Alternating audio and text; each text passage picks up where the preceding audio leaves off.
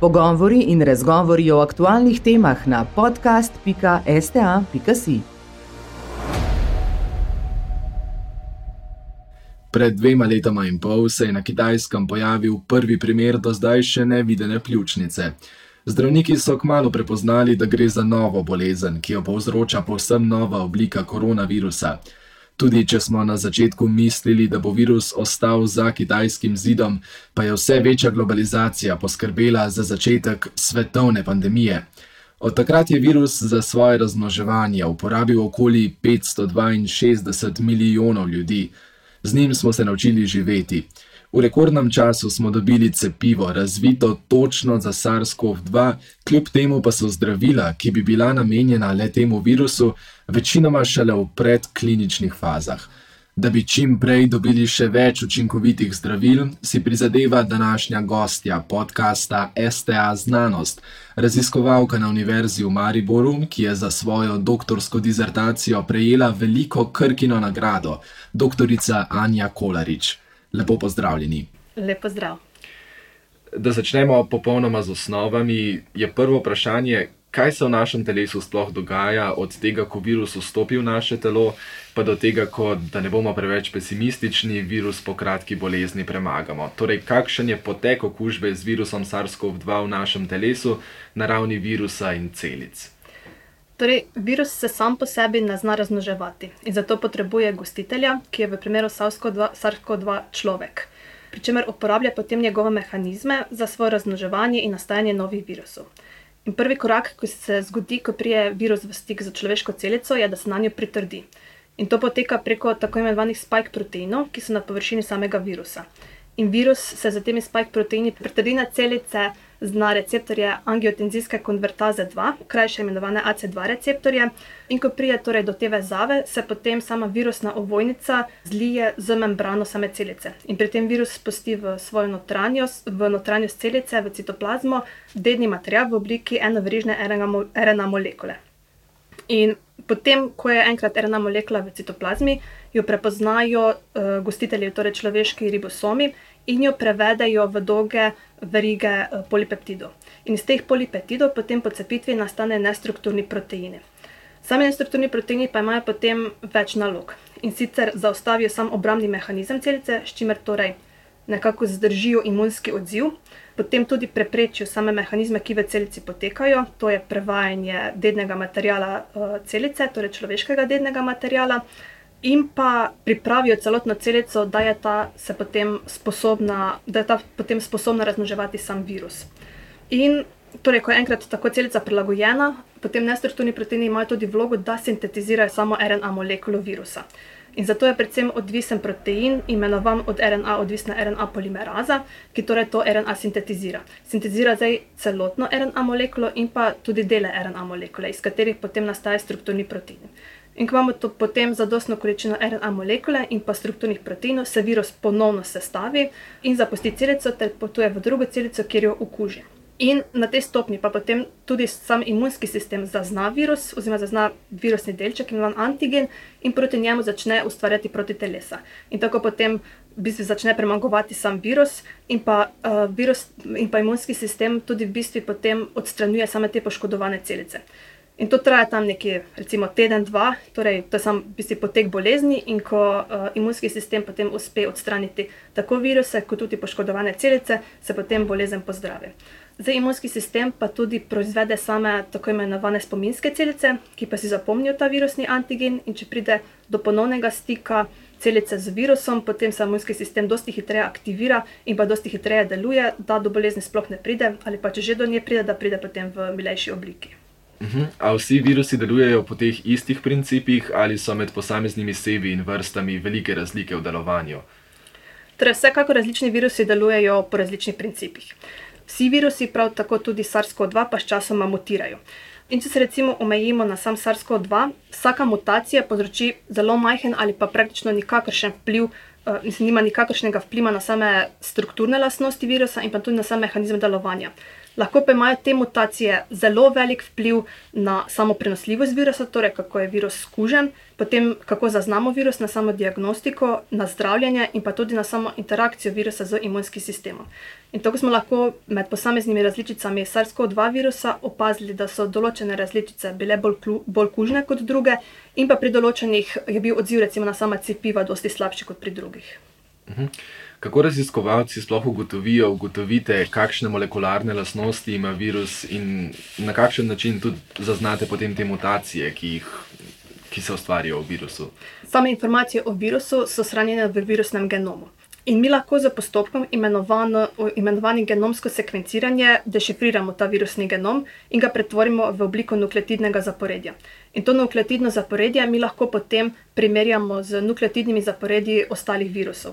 In na ta način mi v bistvu ugotovimo, v katero družino virus spada, kateri virusi so njemu najbolj podobni, In v bistvu že na tem nivoju mi dejansko lahko določimo nekatere, bom rekla, tako lastnosti virusa, oziroma kaj bo zna, približno značilno za ta virus, kako bolezen bo povzročal, vendar pa dokler mi dejansko ne ugotovimo same strukture, ne določimo strukture, potem m, ne poznamo mehanizme delovanja, oziroma dokler ne povežemo tega z simptomi, težko ugotovimo točno, kakšne lastnosti bo imel virus. Torej, je potrebno poznati celotno sliko virusa, da lahko potem primerjamo ta virus z, z samimi drugimi virusi. Uh -huh.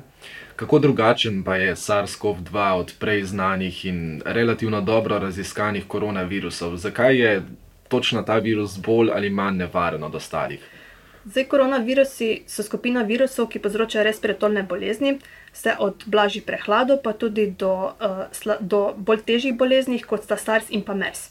In vsi koronavirusi imajo v osnovi enako zgradbo. To pomeni, da so virus, uh, gre za viruse z ovojnico, ki imajo na svoji površini bodicam podobne proteine, imenovane spike proteini, in pa v notranjosti imajo dedni material shranjeni v obliki enovijačne RNA molekule. Koronavirusi torej izgled, so si torej po izgledu enaki. Vendar pa se posamezni tako strukturni, kot tudi funkcionalni proteini vseeno majhno razlikujejo. In ravno te razlike potem povzročajo, da se bolezni, ki jih povzročajo sami koronavirusi, med seboj razlikujejo. In kar ločuje SARS-CoV-2 virus od ostalih koronavirusov, bi rekla, da je predvsem njegova prenosljivost, za kar je odvisnih več dejavnikov. Recimo, SARS-CoV-2 ima zelo dolgo inkubacijsko dobo, ki je nekje med tam 4 do 12 dni. In če primerjamo to z samim njemu najbolj podobnim koronavirusom, to je SARS-CoV virus, ki je povzročil leta 2002 bolezen SARS, ki je izbruhnila na kitajskem je pri SARS-CoV virusu ta inkubacijska doba nekje 2 do 7 dni, torej dosti krajša, kar pomeni, da v primeru daljše inkubacijske dobe oseba, ki je zbolela, lahko v tem času okuži več ljudi. In pa tudi pomembna sama količina virusa, ki je prisotna, kajti ugotovljeno je bilo, da pri SARS-CoV-2 virusu je količina virusa, ki ga ima oseb, bolana oseba v telesu, največja, v bistvu še pred pojavom simptomov, oziroma takoj ob začetku pojava simptomov. Kar pomeni, da oseba še sploh ne ve, da je zbolela in je v bistvu že zelo kužna in lahko kuži tudi spet veliko število ljudi. Problematični pri SARS-CoV-2 pa so tudi ljudje, ki z virusom sploh niso okuženi, mislim, ki so z virusom okuženi, ampak uh, nimajo nobenih simptomov ali pa imajo zelo blage simptome, kajti ti ljudje potem širijo okužbo naprej, ne da bi to sploh vedeli. Zdaj, kaj bi rekla, da je največja nevarnost, oziroma zaradi česar je pa SARS-CoV-2 tako nevaren, je pa to, da gre za popolnoma novi virus. Kar pomeni, da se človeštvo ob izbruhu z njim še ni nikoli srečalo in da je imunski sistem še z njim ni bil seznanjen. In zaradi tega v sami populaciji ni bilo odpornih posameznikov. In to pa pomeni, da je lahko vsakdo izmed nas zbolel za tem virusom. In večina oseb je sicer zbolela za blažjo obliko bolezni, ampak hkrati za tako veliko prenosljivostjo virusa se je ta bolezen lahko raznesla tudi na osebe, ki so bolj ogrožene, torej na starejše ljudi, na ljudi z oslabljenim imunskim sistemom in pa na recimo ljudi z kroničnimi boleznimi. In ti ljudje so potem zboleli lahko hujš, za hujšo obliko bolezni. Potem tudi sam SARS-CoV-2 virus m, povzroča tako imenovani citokinski vihar, to je intenziven vnetni odgovor, ki ga povzročijo imunske celice v telesu, kar še dodatno poslabša samo bolezen. In pa sedaj, ko imamo pa enkrat cepiva, je pa največji problem oziroma nevarnost, s katero se lahko srečamo same mutacije, ki pa lahko povzročijo, da virus uh, postane neodziven na samo cepivo. In pa še ena stvar bi izpostavila, ki pa se zaenkrat verjetno še ne zavedamo, zadosti pa so same dolgoročne posledice, ki jih lahko pusti SARS-CoV-2 virus in jih dejansko še v celoti ne poznamo. Mhm. Spregovorila sva o poteku življenjskem ciklu virusa, o tem, kako podvaja svoj material, pa potem zapusti gostiteljsko celico. Na kater del tega življenjskega cikla virusa se osredotočajo zdravila in kako učinkujejo? Torej, dejansko, kako lahko premagamo virus? Torej, zdravila za zdravljenje uh, okužbe z virusom SARS-CoV-2 se lahko osredotočajo na več delov raz, življenjskega oziroma razvojnega cikla samega virusa. In tako recimo imamo učinkovine, ki delujejo na samem nivoju stopa virusa v celico, in pa učinkovine, ki delujejo na samo razmnoževanje virusa. In recimo pri samem stopu virusa v telo, mi lahko uh, z učinkovinami preprečimo samo vezavo spike proteina na AC2 receptor in pa lahko preprečimo zlitje tako virusne uh, ovojnice z celično membrano. Medtem ko na samem nivoju razmnoževanja pa imamo več možnosti, in sicer mi lahko preprečimo samo tvorbo nestrukturnih proteinov, ki so odgovorni za razne spremembe v celicah, in pa tudi lahko zavremo delovanje samih nestrukturnih proteinov, ki so pomembni za sintezo same RNA celice. In nekatere uh, izmed teh učinkovin so tudi v obliki zdravil že na voljo v določenih državah. -huh kot ste že omenili, nekatere učinkovine so že na voljo. Katera zdravila za COVID-19 pa največkrat uporabljajo zdravniki danes, ali so učinkovita? Zdaj, na trgu imamo, bi nekako rekla, dve vrsti eh, zdravil, oziroma bi razdelila zdravila na dve vrsti. To so zdravila, ki delujejo posredno na virus, in pa zdravila, ki delujejo neposredno na virus. Pod temi zdravili, ki delujejo posredno na virus, mislim predvsem recimo monoklonska protitelesa, ki so, bi rekla, trenutno najbolj uporabljena zdravila in sicer pomagajo imunskemu sistemu pri hitrem odgovoru. In pa na voljo so tudi imuno, imunomodulatorna zdravila, ki pa delujejo tako, da v bistvu olajšajo ta citokinski vihar, ki je pogost pri COVID-u. Medtem ko sama zdravila, ki pa delujejo neposredno na sam virus, teh zdravil pa zaenkrat ni nekaj dosti, več jih je sicer v kliničnih testiranj. In kar je potrebno tukaj podariti, je, da večina teh zdravil ni bila razvita izključno za COVID, ampak gre predvsem zdravila, ki so bila razvita za druga uh, virusna obolenja. In zaradi podobnih mehanizmov delovanja virusov se potem ta zdravila lahko uporabijo tudi v primeru COVID-a. In če, se, reci, če se recimo osredotočim na samo Evropsko unijo, ki mislim, da je za nas najbolj uh, zanimiva, Evropska agencija za zdravila je odobrila uporabo treh zdravil. In sicer to so zdravila Vekluri, Lagevrio in pa Paxlovid. In zdravilo Vekluri vsebuje učinkovino Remdesivir, ki je bila prvotno razvita za zdravljenje okužb z virusom hepatitisa C in je ena najbolj uporabljenih protivirusnih učinkovin. Potem zdravilo Lagevrio vsebuje učinkovino Malnopiravir, ki je bila prvotno razvita za zdravljenje virusa gripe, medtem ko Paxlovid vsebuje protivirusno učinkovino Nirmatrelvir in pa pomožno zdravilno učinkovino Ritonavir. In pa Paxlovid je prvo zdravilo, ki je bilo eh, razvito izključno za zdravljenje COVID-a. In če pogledamo sam mehanizem delovanja teh zdravil, Rendesivir in pa Malnopiravir sta učinkovini, ki jo od RNA odvisna RNA polimeraza veže v samo molekulo RNA in nastane mutirana RNA, ki pa v bistvu ni združljiva, bom rekla tako, z življenjem virusa in se virus naprej ne more razmnoževati eh, in tako v bistvu, kako naj rečem, virus propade. No. Mhm. Medtem ko sam Nirmatrelvir pa deluje kot zavralec glavne protaze. Zdaj, protaze so pa proteini, ki so pomembni Eh, da se dolga polipeptidna veriga, ki nastane na ribosomih, razcepi in potem iz, nastan, iz nje nastanejo nestrukturni proteini. In torej nirmatrelvir del, uh, deluje kot zaviralec te protaze in prepreči torej, razcep polipeptidne verige in s tem nastanek nestrukturnih proteinov. Če bi se torej nekako povzamem, vsa ta zdravila torej delujejo na nivoju, da preprečijo razmnoževanje samega virusa. Mhm. Kakšno zdravilo pa raziskujete vi in vaša ekipa? Na fakulteti za kemijo in kemijsko tehnologijo Univerze v Mariboru raziskujemo učinkovine, ki delujejo na, več, na večjih nivojih samega razvojnega cikla virusa. In tako recimo na vstopu virusa v celico preučujemo učinkovine, ki preprečijo vezavo samega torej spajka na receptorje in sicer tukaj delujemo na dve tarči. Še preden se spajk veže na AC2 receptor, mora priti do njegove cepitve na S1 in S2 podenoto. S1 podenota je potem tista, ki se dejansko veže na sam AC2 receptor, medtem ko S2 podenota pa je tista, ki je odgovorna za zlitje virusne ovojnice za celično membrano. In to cepitev povzroča protein furin. Torej, furin predstavlja eno izmed tarč, ki jo mi preučujemo, kajti mi želimo poiskati spojine, ki bi preprečile to cepitev, s čimer bi se torej preprečila sama cepitev na S1 in S2 in tako se spike protein ne bi, veza, ne bi mogel vezati na sam AC2 receptor. Druga tačka, ki pa jo tukaj preučujemo, pa je neuropilin 1, kajti bilo je ugotovljeno, da v nekaterih tkivih, da se spike protein hkrati veže na AC2 receptor in pa na neuropilin 1 receptor in neuropilin 1 v bistvu izboljša sam stop virusa eh, v telo. In tako mi z učinkovinami tudi želimo preprečiti to vezavo spajka na nevroplin, s čimer bi se torej nekako otežil in pa zmanjšal stop virusa v samo celico. Prav tako tudi proučujemo torej proteaze, ki preprečijo to cepitev polipeptidne verige, ki nastane na ribosomih, in pa na samem, pri samih nestrukturnih proteinih predstavljajo naše tarče od RNA odvisna RNA polimeraza. Medtem ko nazadnje pa smo se tudi lotili raziskovanja tako imenovanega nestrukturnega proteina štirinajst. To pa je protein, ki je v bistvu odgovoren za, tako izrazim, preverjanje same RNA molekule. Kar pomeni, ko od RNA odvisna RNA polimeraza naredi RNA molekulo, jo potem ta nestrukturni protein štirinajst preveri, ali je ta, kot sem že rekla, kompatibilna torej s samim virusom. In če ni, potem gre taka RNA v uničenje.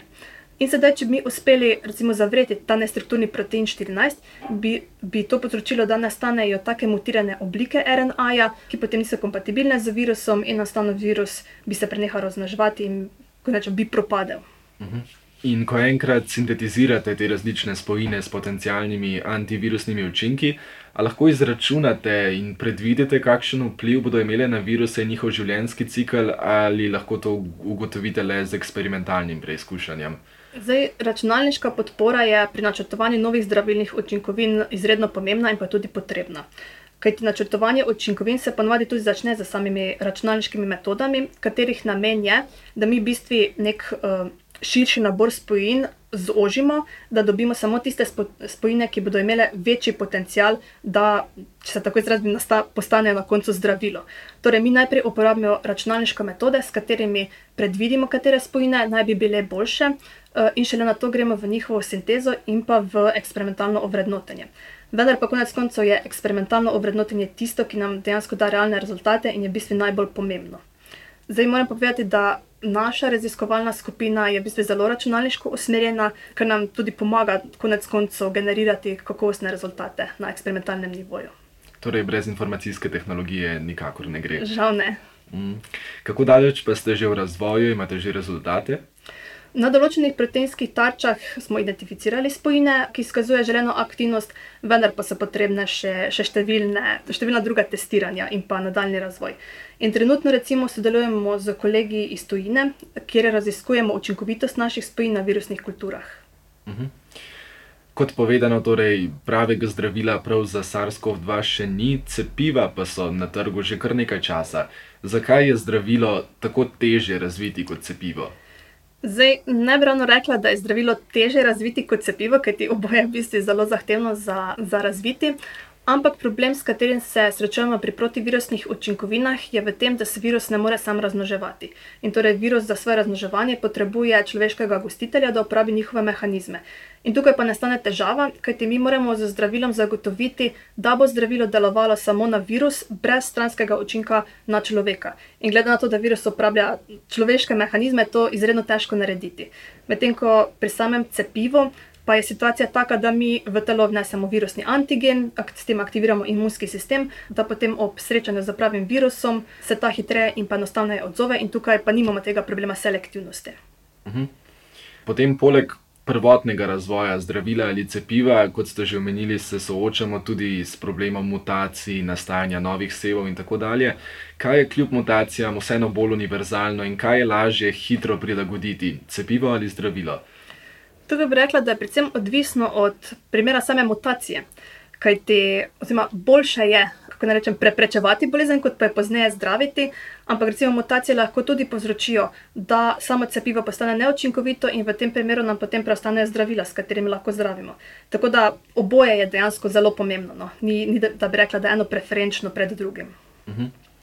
Kako velik medicinski problem pa sploh so te hitre mutacije? Lahko z razvojem novih antivirusnih učinkovin prehitimo evolucijski razvoj virusov?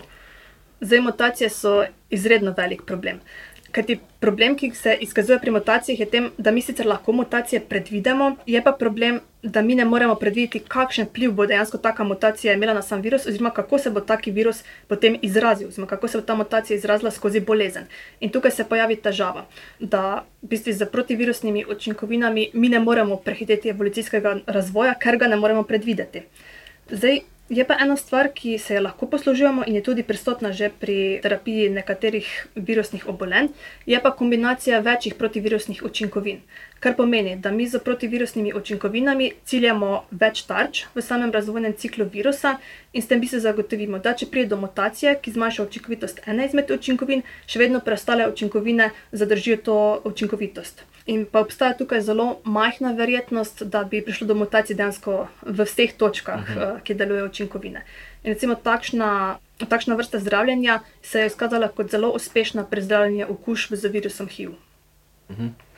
Kako pa se ta virusna odpornost na naše učinkovine primerja z odpornostjo bakterij na antibiotike? Recimo?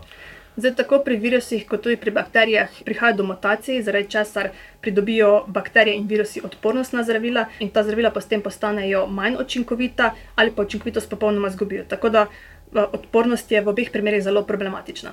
Je pa problem, s katerim se srečujemo pri bakterijskih okužbah, predvsem v tem, da v zadnjih letih oziroma desetletjih ni bilo razvitega nobenega novega razreda protibakterijskih učinkovin, oziroma antibiotikov. Kar pomeni, da mi za zdravljenje bakterijskih okužb še vedno uporabljamo antibiotike, na, za katerimi so bakterije že seznanjene in proti katerim so že delno ali pa mogoče celo v celoti pridobila odpornost, oziroma razvila odpornost. In zaradi tega se tudi uh, tako zelo podarja ta problem uh, odpornosti bakterij na antibiotike, in pa se omejuje njihova uporaba na res tisto nujno potrebno. Uh mhm. Sprašujem, ker ste v svoji doktorski nalogi raziskovali prav antibakterijske učinkovine, zdaj ste nekako bolj usmerjeni v viruse. Kakšna je neka glavna razlika med raziskovanjem bakterij in virusov, s katerimi je recimo lažje delati? Zdaj, nivo raziskovanja, s katerim se jaz ukvarjam, zajema prve stopnje načrtovanja zdravilne učinkovine. To pomeni, da mi poskušamo najti tako imenovano spojino vodnico, ki bi imela potem zelo velik potencial za nadaljne študije na živalih in pa tudi študije v kliničnih fazah na ljudeh. In da na koncu tudi postane seveda zdravilo. In na tem nivoju v bistvu ni neke razlike med raziskovanjem bakterij in pa virusom, kajti uporabljamo pretežno bolj ali manj iste metode. Kaj pa je razlika, je torej v bistvu samo, kako tarčo mi raziskujemo. Ali je ta tarča kompleksna, v kakšne mehanizme je vpeta in pa predvsem, koliko informacij imamo o tej tarči. Je pa seveda. Mislim, seveda pri bakterijah in virusih tako, da imajo eni in drugi prednosti in pa slabosti. Tako da glih ni nekega odgovora, s katerim je lažje delati, ampak je bolj potem odvisno od same tače, na katero želimo delovati. Uh mhm. -huh. S katerimi težavami pa se pogosto soočate pri raziskovanju? Veliko krat je namreč omejitev financiranja, vendar se trenutno najbrž kar veliko vlaga v razvoj učinkovin proti SARS-CoV-2 virusu. Zdaj, financiranje še vedno predstavlja glavni problem samega raziskovanja, predvsem problem, ki ga ki bi pa ga izpostavila pri samem raziskovanju SARS-CoV-2, s katerim se tudi trenutno soočamo, pa izhaja iz njegove kužnosti, torej iz njegove prenosljivosti. Kajti, ko imamo enkrat učinkovine, je te treba tudi preizkusiti na samih okuženih celicah, torej celicah, ki so okužene z virusom SARS-CoV-2, in tukaj pa se pojavi težava. Ker zaradi velike prenosljivosti virusa so potrebna izredno, rečem, stroga pravila in pa razna dovoljenja, da lahko sploh nek laboratorij dela z okuženimi celicami. In zaradi tega je tudi število laboratorijev, ki z okuženimi celicami delamo, zmanjšano. In to pa tudi nam hkrati onemogoča rečem, sodelovanje oziroma iskanje partnerja, ki bi eh, te naše spojine potestiral na okuženih celicah. Mhm. Kako hitro pa pričakujete, da bi to vaše zdravilo, te spojine, ki jih raziskujete, se spremenile v zdravila in prišle na trg? Kaj vse je treba prej storiti? Zdaj, to je zelo optimistično vprašanje. Kajti, da zdravilo pride na trg, je potrebno ponavadi več let. Najprej je potrebno ustrezno načrtovati eh, to spojino vodnico, ki bi imela torej ustrezno aktivnost, nizko toksičnost, ustrezne lastnosti, da bi lahko potem prešla najprej v predklinične faze testiranja, kjer se opravijo nadaljna laboratorijska testiranja in pa testiranja na živalih. Šele na to potem sledijo štiri faze kliničnega testiranja in pa odobritev zdravila. Do samega prihoda zdravila na trg je torej zelo dolga pot. Vendar pa še večji problem kot samo trajanje tega so pa finance. Kajti za vsako nadaljno stopnjo je finančna obremenitev dosti večja. Tako da brez nekega partnerja, kot recimo farmacevtska podjetja, ki bi potem uspela sfinancirati zadnje faze razvoja zdravila, je praktično nemogoče narediti zdravilo. Vendar pa si mi vseeno nekako prizadevamo, da bi ob nadaljem financiranju speljali te naše raziskave tako daleč, da bi uspeli nekako prispevati k samemu razvoju zdravila, še več pa tudi uspeli prispevati k samemu razumevanju samega virusa. Mhm. In kako bi po vašem mnenju učinkovito zdravilo spremenilo naše življenje v primerjavi s cepivom, ki ga že imamo? Zdaj, cepiva, namen cepiva je v tem, da mi seznanimo imunski sistem z virusnim antigenom, da je njegov odziv ob stiku z virusom hiter in pa učinkovit. Torej, cepivo je v bistvu preventiva, da se zaščitimo pred boleznijo. Medtem ko samo zdravilo pa uporabljamo, ko za virusom enkrat že zbolimo, torej ko je virus v telesu že prisoten in se že razmnožuje, in z zdravili mi preprečimo njegovo nadaljnje razmnoževanje in v bistvu zmanjšamo količino virusa v telesu, da se imunski sistem z njim lažje bori. Tako da pri nekem končnem posamezniku, ki zboli za blažjo obliko bolezni, ne bi rekla, da bi dejansko neko učinkovito zdravilo kaj spremenilo, kajti konec koncev je odvisno potem od samega imunskega sistema, kako dobro se bori z samim virusom. Bi pa visoko učinkovito zdravilo bilo zelo dobrodošlo v primerih, kadar posameznik zboli za težjo obliko bolezni, kajti tam pa bi bilo zelo dobro, da se ta količina virusov v telesu zmanjša in da pač posameznik se potem lažje bojuje z samim virusom. Mhm. To bi verjetno potem tudi pomenilo, da nekako bi COVID-19 postal prehlad in da ne bi bilo treba več tako omejevati javnega življenja. Res je. Mhm. In torej, še za konec, nekako ste že odgovorili na to vprašanje, kam naj usmerjamo napor in finančna sredstva, če se nam ponovno zgodi pandemija, v hitro razvita cepiva ali hitro razvita zdravila za tiste težke bolnike. Oboje je potrebno, tako cepiva kot sama zdravila.